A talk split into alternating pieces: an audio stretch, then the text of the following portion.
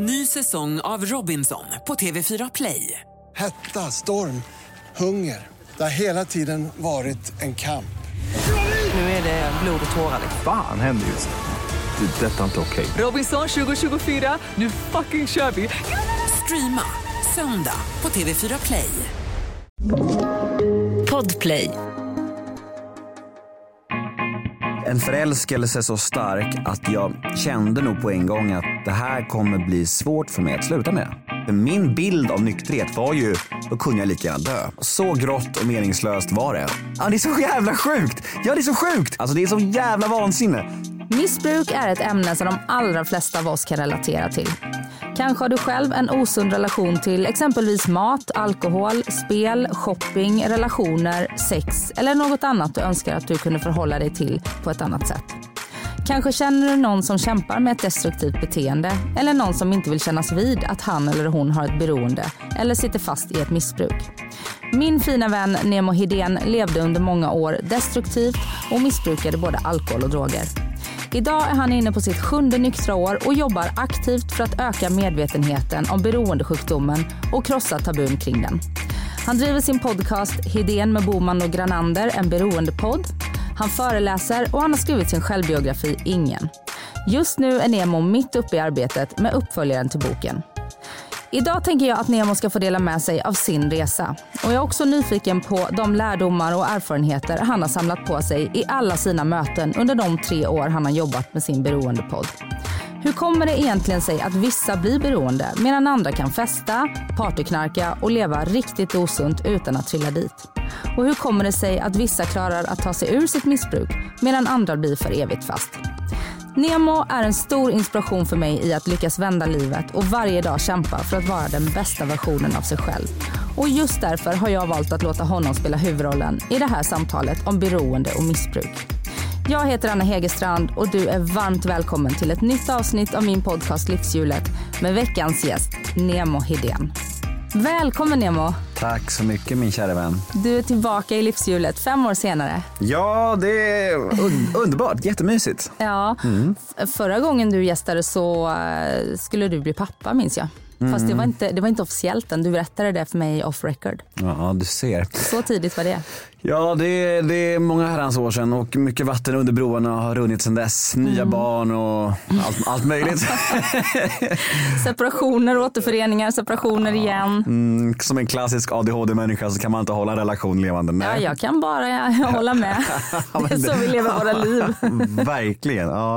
Och din relation lever i alla fall så att du är bättre än mig på det. Så att... Ja, det gör inte den med mina barns pappa, men den nya gör ju det. Ja, det är sant. Det är sant. Det är sant. Ja, det är sant. Mm. så är det. Hur mår du idag? Jag mår eh, på det stora hela Ganska bra. Eh, jag eh, kommer dock från en ganska skamfylld upplevelse hos frisören som jag delade med dig här eh, mm. i, i, i entrén här att jag har, jag Ja, vi båda delar ju diagnosen ADHD mm. och idag ska vi snacka om beroende men en snabb parentes om ADHD innan vi drar igång då. Mm. Eh, att jag var så otroligt intensiv hos frisören. Jag var verkligen så här som man kan bli med den här diagnosen. Att man mm. är all over the place, snackar med alla och bara är väldigt gränslös på ett sätt som är ganska, ja men lite onormalt får man säga. Och sen så efter halva besöket hos frisören så bara går all energi ur mig och jag bara somnar i stolen. jag, bara, jag, bara, jag, är helt kraftlös och bara somnar. Och, och ligger liksom där och sover medan frisören slingar mitt hår. Och när jag går därifrån så känner jag bara så här, det här var ju väldigt konstigt alltså. så lite skamkänslor bara skölja över mig. Men kan inte, för du fick ju ganska nyligen din diagnos, kan inte du känna lite nu, eh, ömma för dig själv lite och så här, det är inte mitt fel. Jag jo. blev tilldelad den här skeva hjärnan. Nej, exakt, Man, jag, så är det ju. Jag kommer här och träffar dig, jag kan berätta om det, vi kan garva åt det för att mm. vi, det är så här våra liv är. Mm. Och det är rätt skönt och inte bara känna att man är helt att man är liksom så här, det är något fel på mig. Man kan bara känna så här, ja men jag har ju faktiskt den här diagnosen. Det är ju så det är bara. Mm. Så det är, och, och, min frisör är jättefin så hon dömer inte mig heller. Men det är bara så här, knäppt. Liksom. Mm. Men det är så typiskt det där att man hittar liksom inte balansen mellan gasen och bromsen. Så man bara gasar och kör och beter sig på ett sätt som kan ja, men, väcka lite åsikter och mm. man kan skämmas själv efter. Och sen så bara, ja men går luften ur. Ja, och just det här att min frisör också hade en ny kollega. Och jag, och jag, och jag tycker mig har utvecklat ett så här sjätte sinne med åren att jag kan avgöra om en människa känner igen mig. Och det här säger jag inte för att det händer ofta. Jag vill verkligen poängtera det. Så självgod är jag inte. Men det händer någon gång och att jag kan känna det direkt.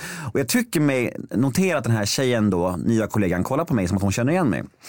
Och, och, och jag har liksom inte spärren att hålla tillbaka det. Så jag säger då så här bara, du, det ser ut som att du känner igen mig i den här blicken. Jag, jag brukar kunna se sånt. Och hon bara, nej, nej, vem, är du? Och jag bara, och jag bara sjunker ihop och blir en blöt fläck på gatan. Hon visste inte vem du Nej, det var. var så hemskt. Och jag bara, åh, tyst Nemo, var bara tyst, stäng av. Dumma ADHD-hjärna. Ja, men du får skicka det här avsnittet till henne. Så får... Ja, verkligen. Men det, det leder mig in på faktiskt första frågan kopplat till det ämnet vi är här för att prata om idag. För du har ju någonstans blivit ja, men en profil som, som har valt att jobba för att lyfta missbruk, beroendesjukdomen. Jag har haft gäster i den här podden eh, som inte vill kännas vid att det är en sjukdom. Eh, och Det verkar råda delade meningar. Men ADHD och beroende, hänger det ihop? Absolut, så är det och det är eh, tydlig forskning som visar på det. Och jag skriver just nu på min andra bok som handlar just om beroende och medberoende och ett kapitel där handlar just om beroende och neuropsykiatriska diagnoser.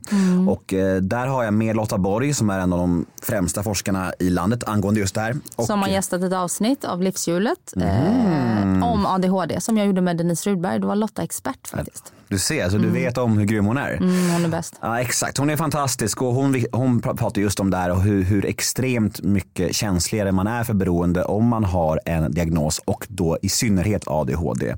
Så visst, det finns forskning på det och det gör ju att man kanske skulle varit lite mer försiktig men försiktighet och ADHD går inte heller ihop riktigt. Så att, Nej, det är det. Så här, har du ADHD så uppfattar du generellt, nu generaliserar jag, men uppfattar du livet som lite tråkigare. Du behöver lite mer kickar Ja. för att komma upp på en inom citationstecken normal människas nivå. Och där kommer ju det här kicken du får när du shoppar, ehm, knarkar eh, eller liksom missbrukar på något sätt. Det är ju ett adrenalinpåslag på något sätt. Just det.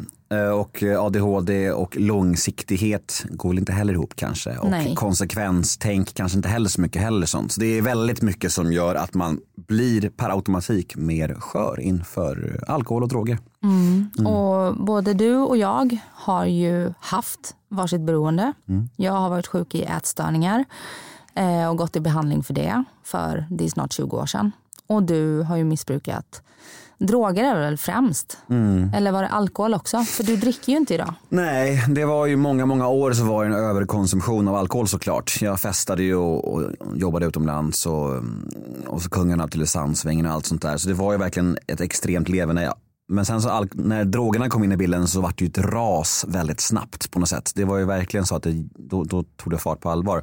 Och då blev det nog mer ett missbruk. För att då, eh, alltså drogerna förstörde livet snabbare än vad alkoholen bara gjorde. Eh, på ett sätt som blev ganska tydligt för mig. För att, för att när jag bara, om man säger så, eh, drack alkohol så kunde jag ändå liksom hålla livet, någon slags ordning på livet. Alltså ordning var det ju inte, men någon slags ordning. Men när jag började ta droger så var det verkligen som att då bara rasade allt. Men det var inte så med alkoholen att du vaknade och kände ett sug efter att liksom knäcka en bärs eller Nej, nej, nej. dricka? nej, Liksom. nej, så var det inte. Ehm, och sen så är det så svårt att bes- att beskriva när det blev ett missbruk, när det blev ett beroende. Det är så svårt att sätta eh, en etikett på det där. Men, det, kan vi inte göra så här som du säger i din podd, Mm. i Beroendepodden. Så här, kan vi ta det från början? Ja men absolut.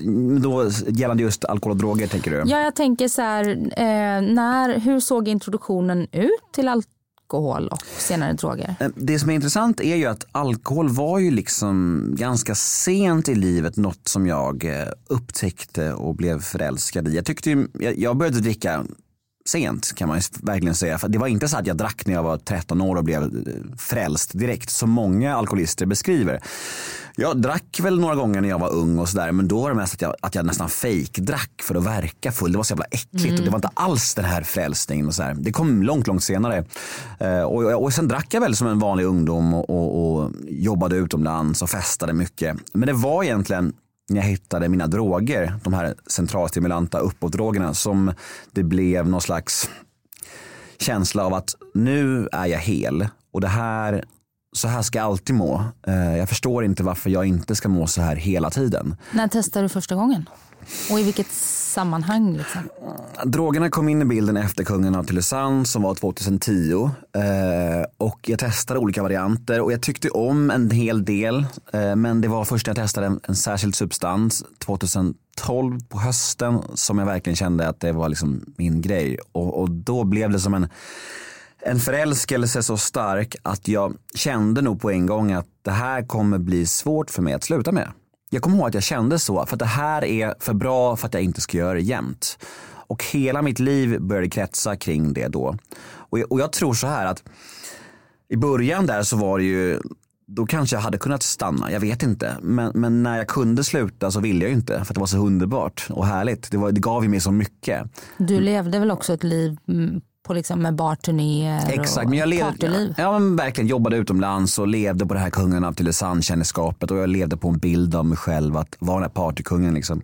Men det var som att när jag kanske kunde sluta så ville jag inte. Men när jag sen ville sluta, när drogerna inte gav mig någon rus längre, då kunde jag inte sluta. Ny säsong av Robinson på TV4 Play.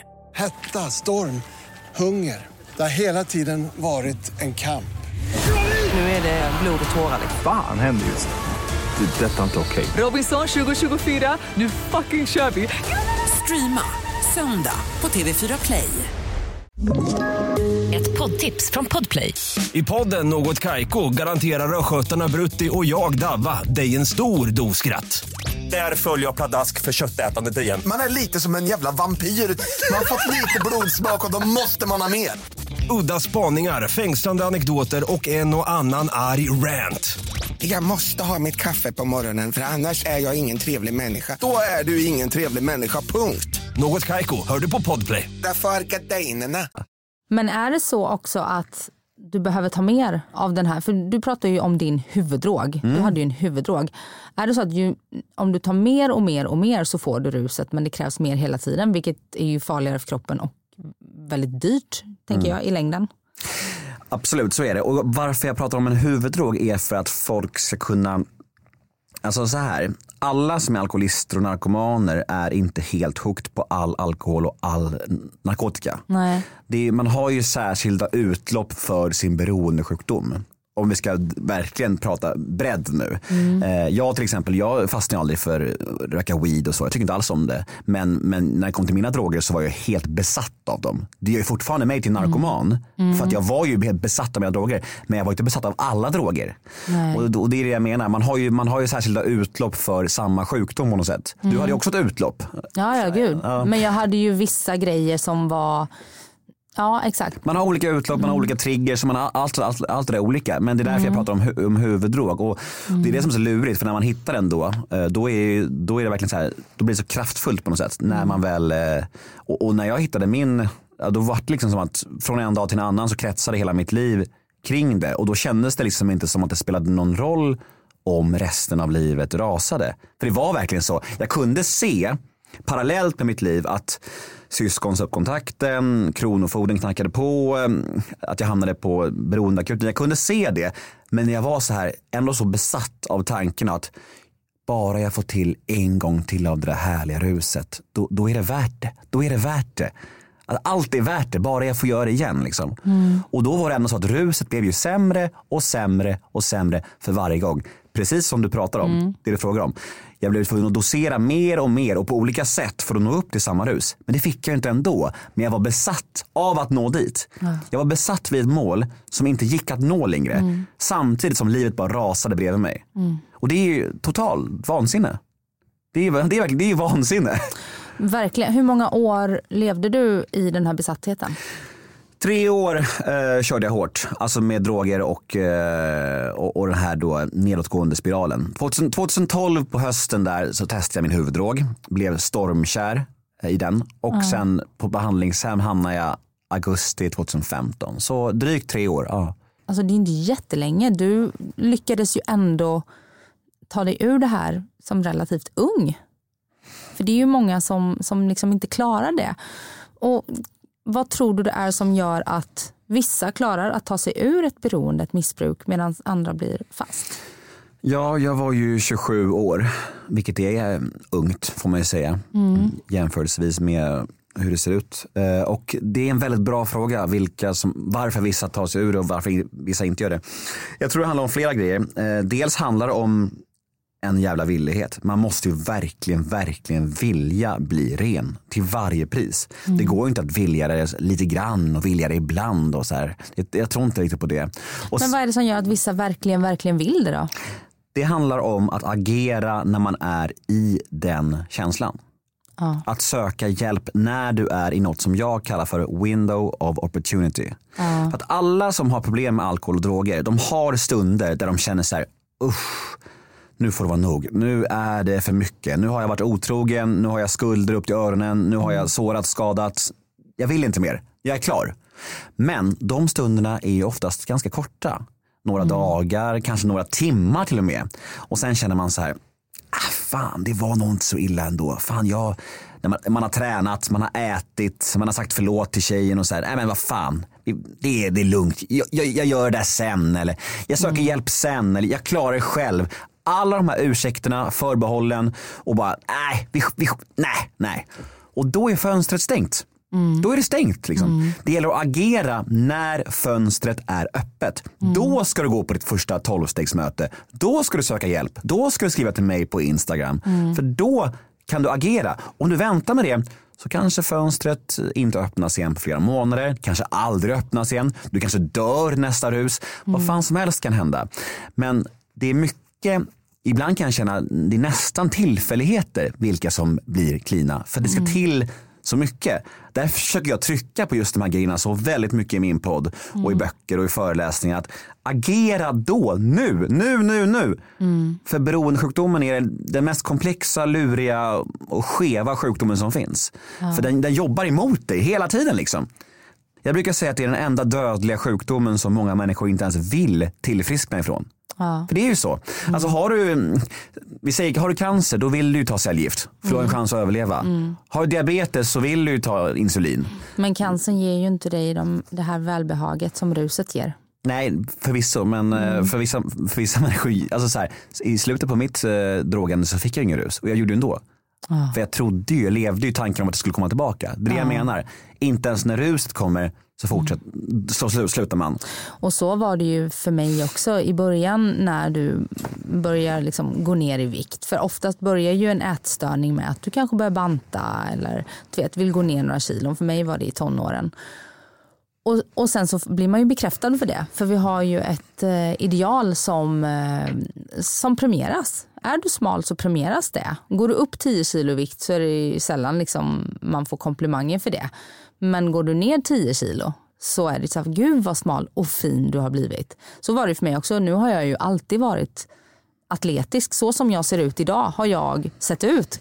Så att jag har ju liksom, så att det handlar liksom inte om att jag behövde gå ner i vikt. Men det handlar om att ja, men döva ångest på något sätt. Och i att träna och inte äta eller äta väldigt återhållsamt. Där eh, hittade jag kontrollen. Det är någon slags kontroll. Men det kommer ju till en punkt när man blir jättemager och man är sjuk. Eh, och det spelar ingen roll liksom hur mycket du går ner i vikt. så så här, du får inte samma välbehag som du får i början. Utan du behöver mer och mer och mer och mer och ändå fortsätter du. Mm, jag vet, alltså det där är så jävla riktig sinnessjukdom på hög nivå. Men det som är intressant också med just drogmissbruk det är att jag kan ju känna att första tiden så var det verkligen så att jag, jag tog droger för att jag fick sånt otroligt härligt rus av det. Det gav mig en känsla av att jag var hel, euforisk, ett sammanhang, en tillhörighet som jag aldrig hade känt förut. Ett lugn i skallen och jag bara, åh det här är underbart, jag vill alltid må så här. Och sen så bara i och med att ruset försvann mer och mer och mer och livet rasade runt omkring mig så blev det som att drogerna liksom, de, blev, de fyllde en annan funktion. Det gick från eufori och lycka till bara en slags flykt. En flykt från en verklighet som jag hade skapat. För, för då var det bara så här, nu, nu vill jag knarka för att slippa känna den här jävla jobbiga verkligheten som de här drogerna också har skapat. Förstår du hur knäppt det är? Det blir paradoxalt ja. Ja! Men när minns du det tillfället när du hade ditt window of opportunities? Alltså när du kände att nu måste jag göra någonting och också agerade. Ja, det var ju verkligen eh, behandlingshemmet som blev min vändning och det var ju sånt jävla flyt. Alltså jag, jag började gå på möten, tolvstegsmöten eh, sommaren 2015 och gick egentligen för att eh, ja, men döva min ångest lite. Jag gick för att göra någonting konkret för mina föräldrar. Jag gick typ, jag gick inte för att jag kände att jag skulle bli nykter och drogfri. För min bild av nykterhet var ju, då kunde jag lika gärna dö det var så tråkigt. Ja, så grått och meningslöst var det. Och, och då höll jag ändå på att knarka ihjäl mig. Det är också ganska paradoxalt. Att jag lever ett liv där jag sitter och knarkar ensam, mitt liv är kaos. Och ändå tänker jag att nykterheten är ännu värre. Ja, det är så jävla sjukt. Ja, det är så sjukt. Jag, kan- jag ska, ska sitta på akut- beroendeakuten och liksom så här, hjärt, hjärt- hjärtat slår som en kaninpuls och bara säga, ah, men jag kan inte bli nykter för det är tråkigare. Alltså det är så jävla vansinne. Eh, men eh, jag går på möten där sommaren 2015. Och då är det en kvinna där som kommer fram till mig och bara, du, du verkar ha svårt här att, att ta en plats hos oss. Du verkar ha svårt att liksom bli kvar här. För du går ut och in och tar återfall och bara kommer tillbaka slitnare dag efter dag. Och jag bara, nej men jag, jag vet inte. Jag är bara uppgiven. Jag har liksom ingen, jag vet inte. Och då säger hon så här, det finns ett behandlingshem som ska öppna och de, de har en plats ledig och jag har fått i uppdrag att hitta en kille som skulle behöva en sån plats. Och det kommer vara eh, helt gratis, det kommer vara en prövokull och eh, det kommer kosta 200 000 i framtiden men du kan få en plats gratis.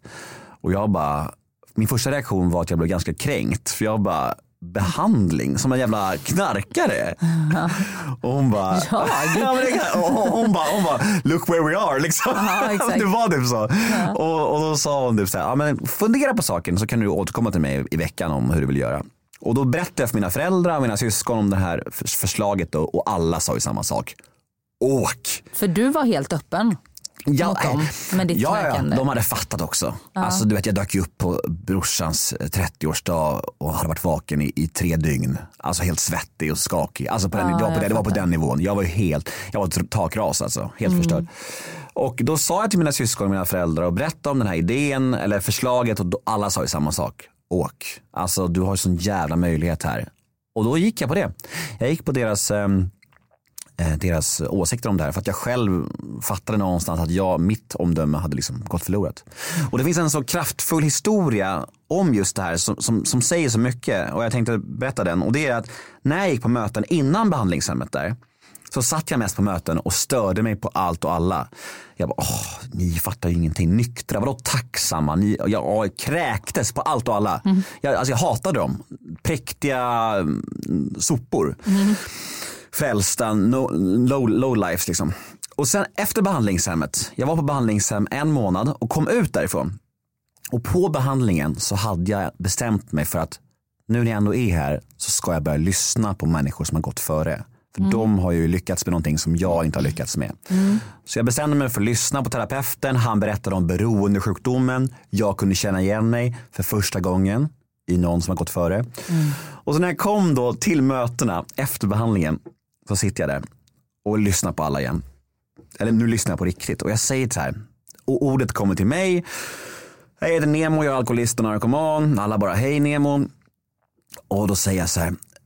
Jag, jag förstår inte. Alltså jag gick på möten innan behandlingen här och, och, och då sa ni så jävla osköna saker. Nu är ni så kloka. Varför, varför sa ni inte det här förut för? För det där är jättebra och det där, jag kan känna igen mig i allting.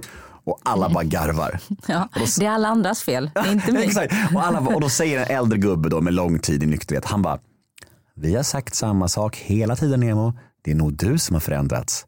Och det säger allt. Att det handlar om min inställning till det. Du frågar vilka som kan tillfriskna. Det är de som vill. De som vill ha 12-stegsprogrammet, de som vill göra, de som vill. Alltså, Men du hade ju i ditt window of, of opportunities också turen Ja. att träffa den här kvinnan som Ja. Mm. erbjuder dig ett behandlingshem som idag kostar 200 000 för en behandling. Ja, ja, men det är det jag säger och det, och det, är därför jag lägger till det här med tillfälligheter. Att jag kan Mm. känna ibland att vissa har mer tur, stjärnorna står rätt. Och man vill kalla det Gud, jag vet inte. Men det kan ju finnas så här, för mig är det liksom så här, det var verkligen mitt fönster. Mm. Och det, jag förstår ju att jag hade tur. Och jag förstår ju att det var verkligen så här, alla har inte samma tur. Och Men, i, mm, idag ger ju du tillbaka Mm. genom att tillsammans med det här behandlingshemmet driva Beroendepodden. Precis, precis, det var Robert Boman då som startade det här behandlingshemmet och det var han som hade gett Madde, den här kvinnan, uppdrag att hitta en kille på mötena. Mm. Och idag så gör jag min beroendepodd ihop med Robert Boman. Du är det, ambassadör för dem kan man ju säga. ja, nästan. ja, det är en väldigt fin cirkelslutning. Ja. Otroligt faktiskt. Ja. Eh, Hur länge var du där? Jag var där i 28 dagar. Och då bor man där? Ja, internat och så här, terapier, gruppterapier, det var gym, det var vid havet och det var, ja, det var väldigt, väldigt, väldigt, fancy pansy var det faktiskt. Eh, och det sjuka är att det var typ en drivkraft för mig i början. Att när hon sålde in det och sa så här, ja det är ganska lyxigt och fint och, och så här. Och jag var ju så slagen och, du vet, och bodde typ på gatan och jag var bara så här, en månad lyxherrgård vid vattnet. Så här full mat, vad bra, ja men jag kör. Så knäppt, men det, men, men, men, det lockade ju in mig. Så att vad fan. Och här sitter jag, alltså förstår du? Ja, exakt. Men, eh, och sen så när du kom ut så då ska man ju lära, eh, lära sig leva i den här nykterheten själv utan någon som håller en i handen i ett lyxigt hus vid havet. Ja, så här. Det är ju väldigt lätt att vara nykter och drogfri på ett behandlingshem. Så är det ju. Eh, Men de var rätt tydliga på det här rehabet att eh, ni blir inte friska här. Eh, Vi kommer ge er en liten knuff eh, i rätt riktning och lite kunskap och så här. Men ni måste göra jobbet hemma sen. Och det ni gör, det gör ni att gå in, när ni går in på mötena, tar en sponsor och aktivt börjar leva i ett tillfrisknande. Då kan ni leva i tillfrisknande. Men frisk blir ni inte. Och det är, det är den devisen jag lever efter än idag.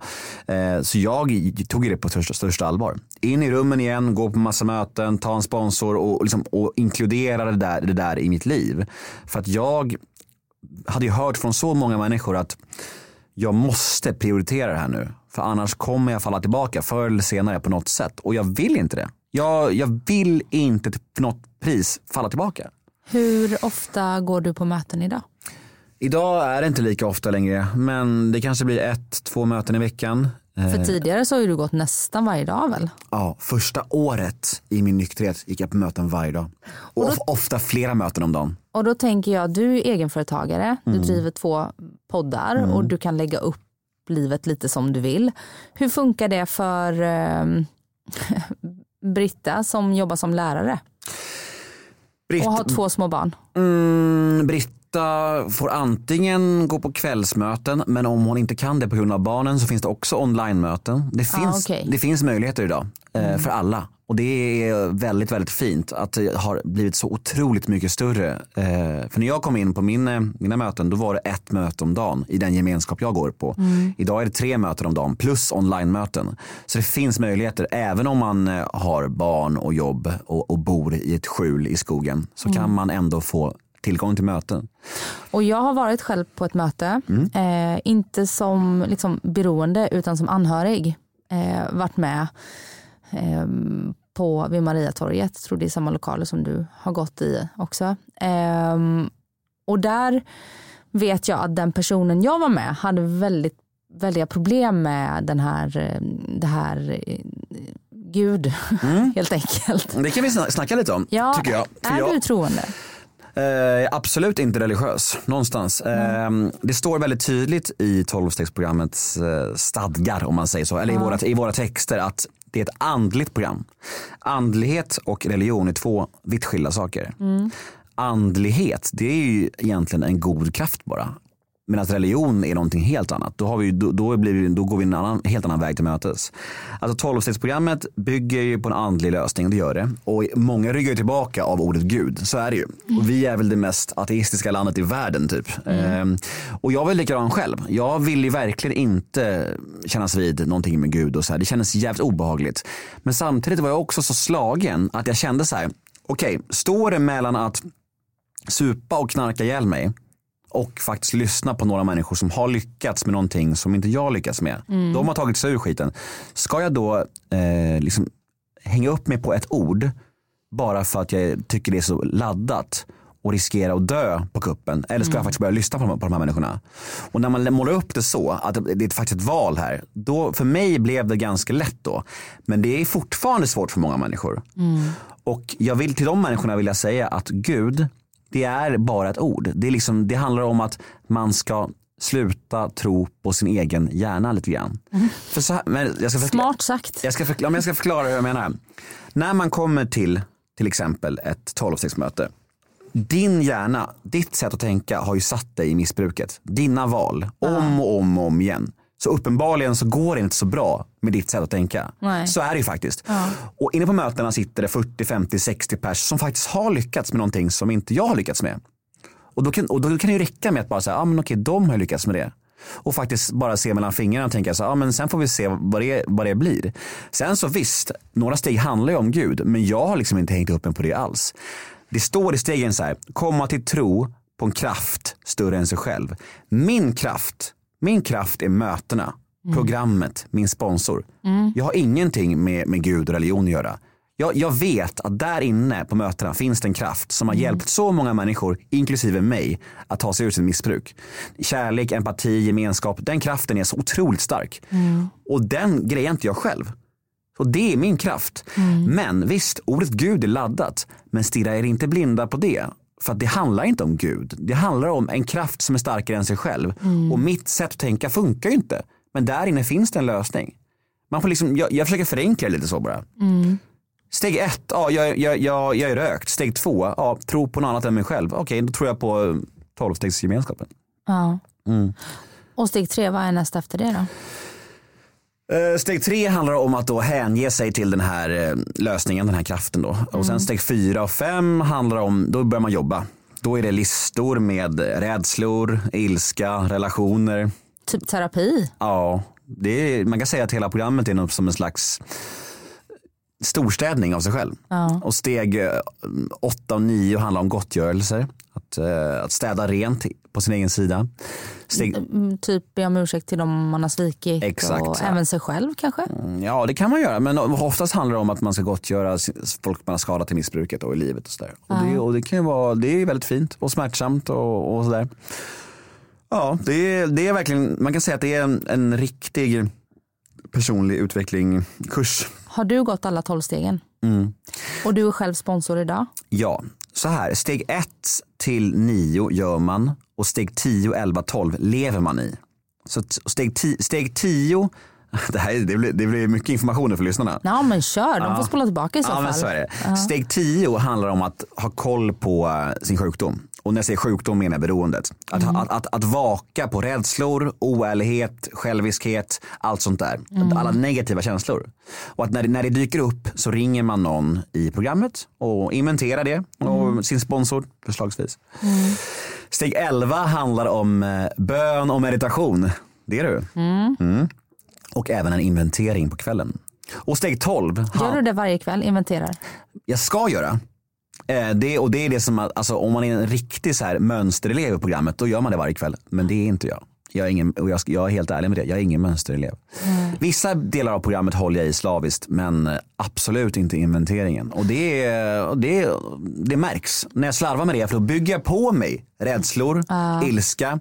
Och det är inget bra, för när man bygger på sig för länge, då kommer en dag där, fan jag orkar inte må så här, jag ska nog ta ett glas. Förstår du vad jag menar? För det är det programmet bygger på. Man ska rensa upp allt negativt i en så att man inte känner behovet av att liksom bara uh, releasa och fly. Jag tycker det här är jätteintressant för det är ju ungefär som att en diabetiker behöver äta på ett visst sätt. Men alla, även de som inte är diabetiker, mår väldigt bra av att äta som en diabetiker. Vi som har ADHD behöver vara väldigt vaksamma på exempelvis stress, kost, träning, alla de här livsstilsfaktorerna.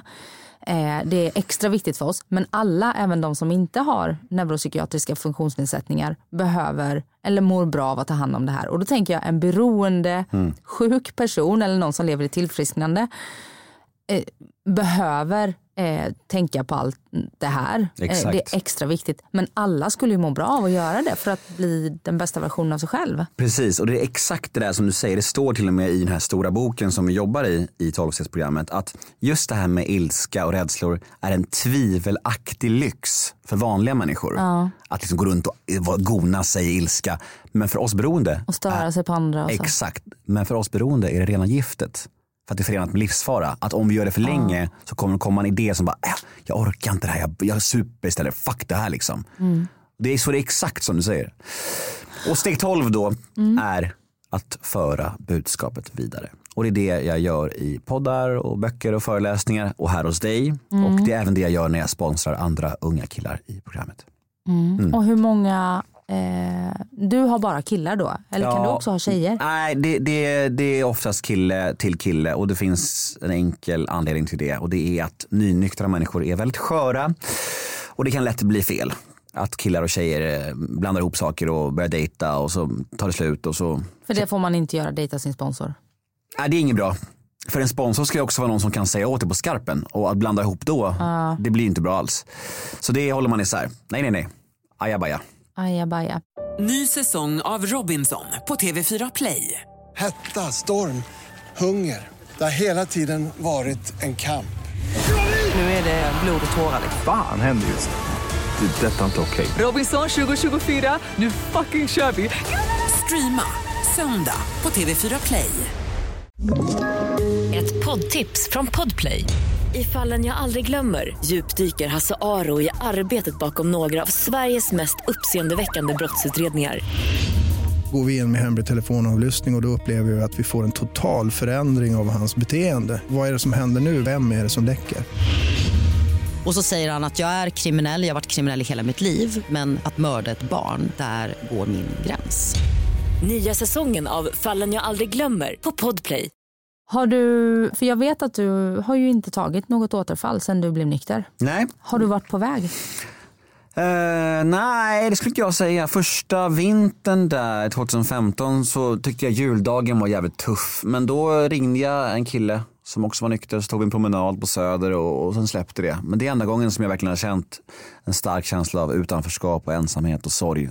Men då ringde jag en kille som heter Mange Hellberg som är en artist, en eh, vis och proggsångare. Och så promenerade vi runt, runt Söder och han hjälpte mig mycket och så släppte det. Så jag har hållit mig och jag, det var tufft första månaderna, halvåret. Men eh, sen dess har det bara varit en raksträcka. Vad är det som har varit tuffast i tillfrisknandet? Relationer. Jag skrattar för jag vet så mycket om det här. nej men det, det, det Vi ska inte hänga ut något här. Nej gud nej, men det är intressant det där. För att, för att Ja. folk som har 10, 15, 20 års nykterhet pratar ofta om det här. Att allt i livet blir bättre och utvecklas förutom relationer. Det minns jag att du och Magnus Hedman pratade om när, när ni gjorde podden tillsammans. Ja, så är det. det. Det blir liksom inte bättre på något sätt. Och det är tufft, eh, men vad fan. Förutom, vad skulle jag säga, förlåt. Vad är det som är tufft med relationer? Nej, men jag tror att eh, relationer kanske är svårt för alla människor, jag vet inte. Men jag tror att med ADHD och med beroendeproblematiken så blir liksom skenar alla de här rädslorna och otillräcklighetskänslorna och eh, Jag vet inte, det är bara svårt för mig. Och, eh, men, men just kopplingen till alkohol och droger så har inte någonting varit svårt de senaste fem åren. Alltså jag, jag, kan, jag, jag, jag, jag, ändrade mitt liv så mycket och byggde mitt liv efter mitt nya liv. Alltså fotbollen, jag tänkte så här, ja men Bayern, hur ska det bli? Då bytte jag bara läk- läktare. Så jag går på familjeläktaren istället för klacken i, i början. Och det löste den biten. Liksom. Och det, ingenting har varit tufft efter, efter början. Och början är ju tufft för alla. Alltså, gör en så stor förändring i ditt liv, då kommer det ju vara tufft i några månader. Så är det ju bara. Det får man ställa in sig på. Men jag kan också lova att om man gör en sån förändring och kommer över den där tröskeln, den där liksom pucken, det där guppet efter några månader, då är det sån otrolig frihet. Och jag vet ju till exempel mm, folk som har rökt. är det ju väldigt vanligt att en, en före detta rökare som har blivit rökfri äcklas väldigt mycket av folk som röker. Hur är det med dig ehm, när du ser fulla människor? Du ska till exempel gå på en väldigt viktig 40-årsfest här om några veckor när det här eh, avsnittet sänds, nämligen min. Och där kommer det vara alkohol, det kommer vara fulla människor och eh, när känner du liksom att så här, nej nu pallar inte jag mer? Alltså det handlar inte för mig om att det är jobbigt att vara runt fulla eller höga människor. För det är inte. För mig kommer det snarare handla om på din fest att jag är så otroligt trött så tidigt. Alltså det, det, det, det är snarare det. Gubbigt sagt. Ja, ja, men, ja, men, jag, men jag, alltså så här, jag har ju små barn som eh, Ja, går. Mm. går upp fem varje morgon. Så jag har ju dygnsrutinen att jag varje kväll går och lägger mig nio tio typ och går upp vid eh, fem typ. Och det, Mm. det är snarare det det handlar om. Jag skulle aldrig gå på en fest om det var jobbigt för mig. Nej. Och det brukar jag säga till killarna jag, hjälper också, att, att i början på er nykterhet, var försiktiga. Alltså så här, gör det enkelt för er, för man bestämmer ju själv hur lätt eller svårt det ska bli. Om jag är nynykter och går på en stökig fest, då gör jag det svårt för mig själv. Mm. Om jag avstår den festen för att, för att jag är nynykter, då gör jag det lättare för mig. Ja. Så man bestämmer ju lite själv hur Ja. lätt det ska vara. Man utsätts inte för frestelse till exempel. Nej, exakt, för det är en kritisk och stor period när man ska göra en sån stor förändring i sitt liv. Mm. Eh, Men med det, med, det, med det sagt, din fest ser jag mycket fram emot och det Mm. ska bli väldigt kul och jag eh, tycker inte det är jobbigt att vara kring fulla eller höga människor. Jag, skulle, jag bryr mig inte. Alltså, jag har ingen problem med det. Jag kommer ladda upp baren med Cola Zero. Och, no worries. och ladda upp baren med eh, snygga singelkompisar också. Den, den eh, förfrågan har du redan jag vet, jag lämnat vet, jag vet, jag vet. Vad fan, jag är, jag är en singelman som noll dating på listan. Jag är, Ja, och det väl faktiskt min nästa fråga. H- när du dejtar, skulle du kunna dejta en tjej som festar och som vill dricka vin till maten? Eh, jag får den frågan ibland faktiskt. Det är, men, men jag känner lite så här. Jag skulle kunna dejta en tjej som tar ett glas vin någon gång. Det är inga problem. Men jag skulle inte kunna dejta någon som är ute och festar tror jag då och då. Det skulle kännas olustigt och bara som att vi har lite olika värderingar i livet. Och jag tror att det är så pass ärlig man måste vara mot sig själv. Eh, alltså så här, att jag till exempel ligger och sover och hon kommer hem och luk- luktar fylla och lägger sig bredvid mig. Jag skulle bara inte tycka om det. Och, och det skulle inte funka tror jag. Däremot om hon vill ta ett glas vin till maten någon gång, För att hon tycker det är gott och är Ja. intresserad typ. då bryr jag mig inte. Men just det här festandet tror jag, liksom, det, det, det vill jag inte ha så nära mig. Och det är bara för att jag känner att jag vill ha liknande värderingar som min tjej. Mm. Jag vill brinna, brinna för samma saker. Mm. Så är det bara. Och eh, jag vet att när- när du blev nykter så gick du upp väldigt mycket vikt för du satt hemma och käkade godis. Glass, glassbåtar, glassbåtar till och med. Glassbåtar var det På tal om utlopp. Det här, Ja. är, det här är intressant. Alltså, Ja, jag är besatt av glassbåtar. Man ersätter liksom ett beroende med ett Mm. annat. Ja. Jag blev ju pedant när jag eh, eh, skulle bli fri från mina ätstörningar för att jag tog ut ångesten på det fick inte vara smutsigt hemma istället. Mm. Ehm, men jag tänker hellre att ha ett välstädat hem än att svälta sig själv till döds. Ja. Sen är det lite jobbigt för min familj. Eh, nu lever jag i och för sig med en pedant men jobbigt för barnen som kladdar. Ehm, så. Men hur har du lärt dig att förhålla dig till det? Har du det? Du menar om jag har någon slags balans i kosten och sockret? Ja, ja jag tänker glassbåtarna är ju liksom, det är ju socker du vill åt. Mm, absolut, så, är det ju. Eh, nej men det, där är ju en super eh, ständigt aktuell fråga för mig och jag tycker att det är jättesvårt med just socker och kost. Och jag, och jag eh, försöker intala mig själv att jag har någon slags balans för att jag i perioder äter jättemycket socker och perioder inte äter alls. Ja, Jag för har- du är ju en periodare. Ja, och jag har ju själv att det inte är, inte är en balans att svulla och sen svälta sig själv. Det är ju ingen balans i det. Men jag kan ändå hålla mig där jag vill i vikt med den här metoden. Mm. Sen så är ju det inte det sundaste alternativet. Men samtidigt så har jag förstått att jag liksom inte kan hålla lite grann hela tiden. Jag kan inte det. Jag har försökt så många år. Det går inte för mig. Eh, Så att det är socker och kost är en supersvår fråga för mig. Och eh, jag har inget bra svar på det heller. Nej. Jag fattar att jag är fakt om man säger så. Du har ju ändå insikt i det. Ja, ja. Och jag skrev ett kapitel eh, i min bok om just det här eh, och jag hade med hon Bitten Jonsson. Jonsson, vet du det? Ja, hon har gästat Beroendepodden. Mm. Hon är briljant och hon, eh, hon var ju bara så här, du är så jävla rökt. jag, gjorde så test med henne och hon bara, alltså ge upp bara. Ge upp. Hon pratar med mig som jag pratar med mina killar som jag hjälper i, i, med alkohol och droger. Kapitalisera Och, och, ja, och jag bara kände bara så här, fan vem försöker jag lura? Ah, För det, är så svårt dock med det där, för det, där är inte lika, det, blir- inte lika tydliga konsekvenser i livet.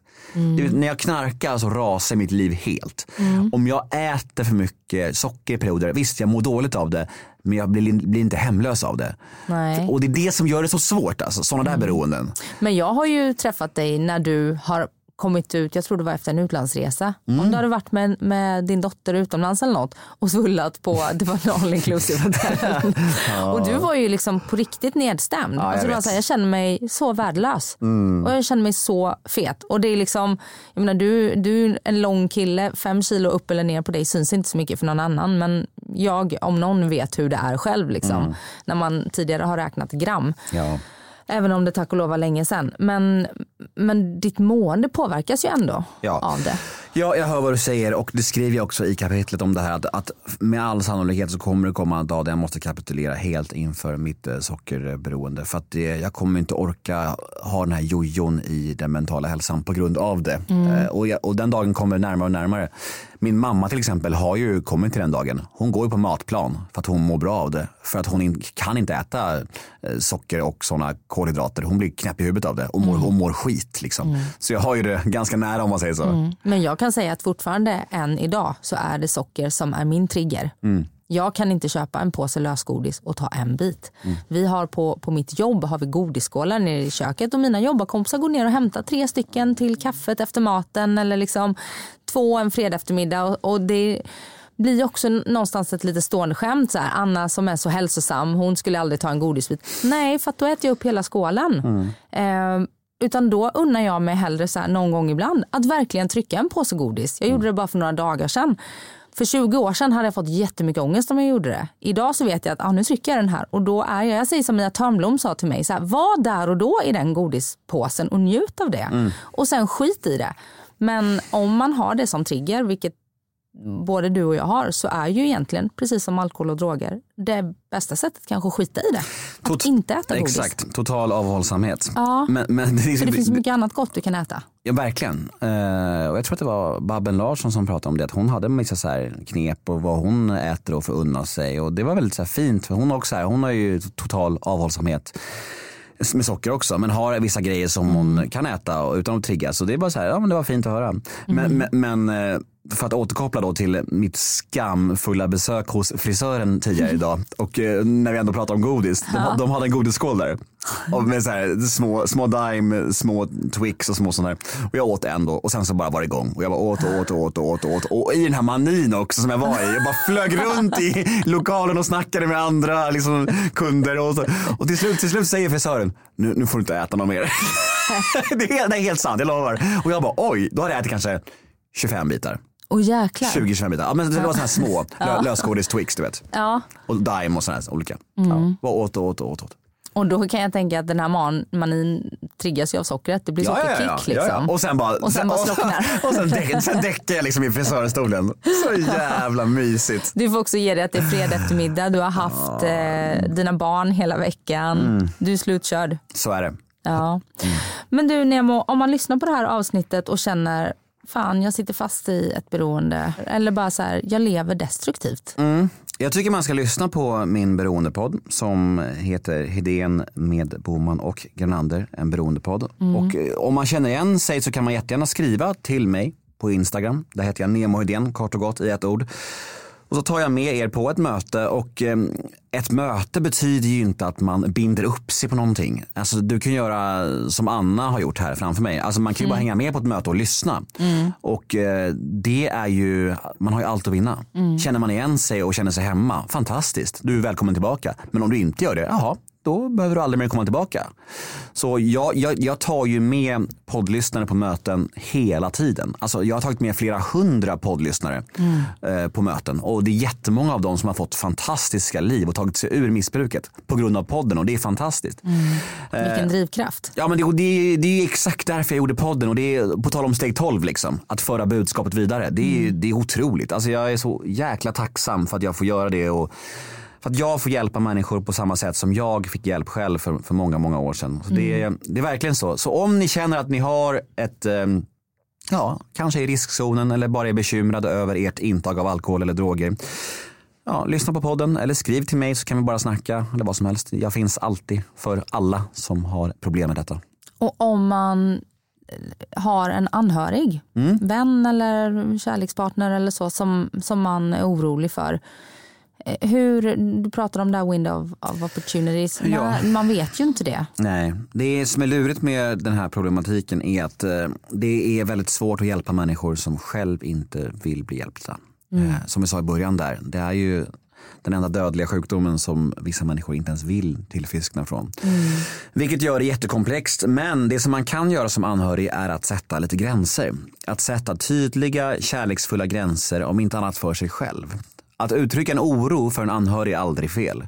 Att berätta så här, jag upplever att um, det kanske är lite, lite mycket nu och du verkar inte må så bra och så här.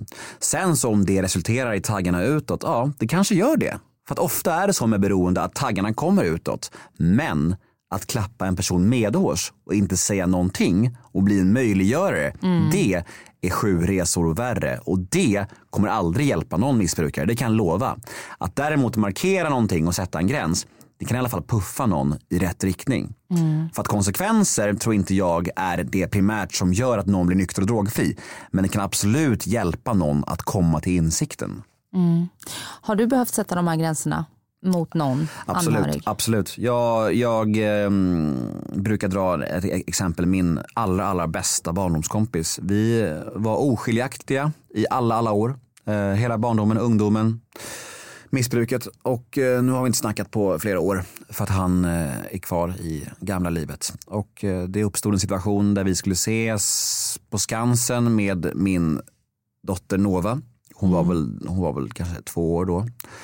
Och eh, han ställde in eh, samma morgon på grund av bakfylla. Och det hade hänt liknande incidenter flera gånger och för mig var det droppen. Liksom. Och då sa jag bara så här, eh, nej det är nog nu.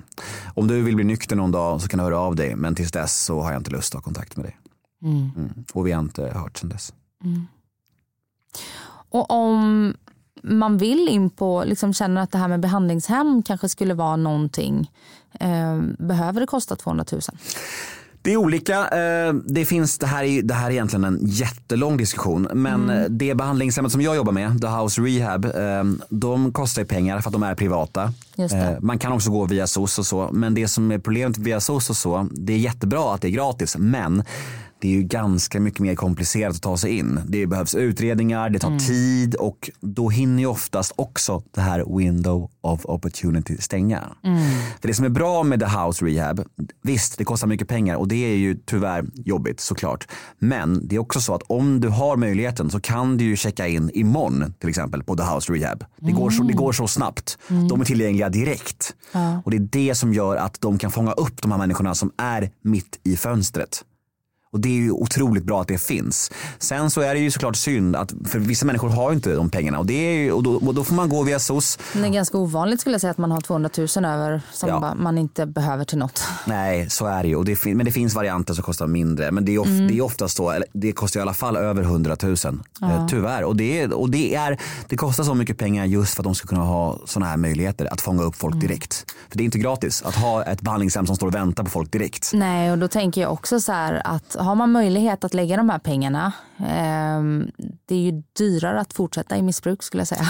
Ja, och Långt det, över 100 000. Exakt, och då är vi åter där igen med det här. Nu får man göra ett val. Ska jag supa och knarka ihjäl mig eller ska jag faktiskt göra en investering i mitt liv här och ta mm. en biljett ut ur det här helvetet? Mm. Då kanske det faktiskt är värt att eh, ta ett lån eller vad som helst för att få en chans att ta sig ur det. Så får man hoppas att det lånet är en, ytterligare en morot att bli, ja, men exakt. så man inte har betalat för ingenting. Liksom. Nej, exakt, så är det. Mm. Du Nemo, vi ska runda av här. Tusen tack för att du ville komma och gästa mig mm, tack. igen. Tack själv kära älskade vän och eh, snart ska vi festa. Ja det ska bli så kul men vi måste ses innan dess. Det är klart, vi ses ju ganska ofta. Ja mm. det gör vi. Du tar hand om dig nu och eh, det är helg och du, är du barnfri ikväll? Jag är barnfri ikväll och eh, jag ska hem och somna 19.30 tänkte jag. Det tycker jag du ska göra. En Cola Zero, en glassbåt och sen sängen. verkligen, verkligen. Ta hand om dig Nemo. Tack.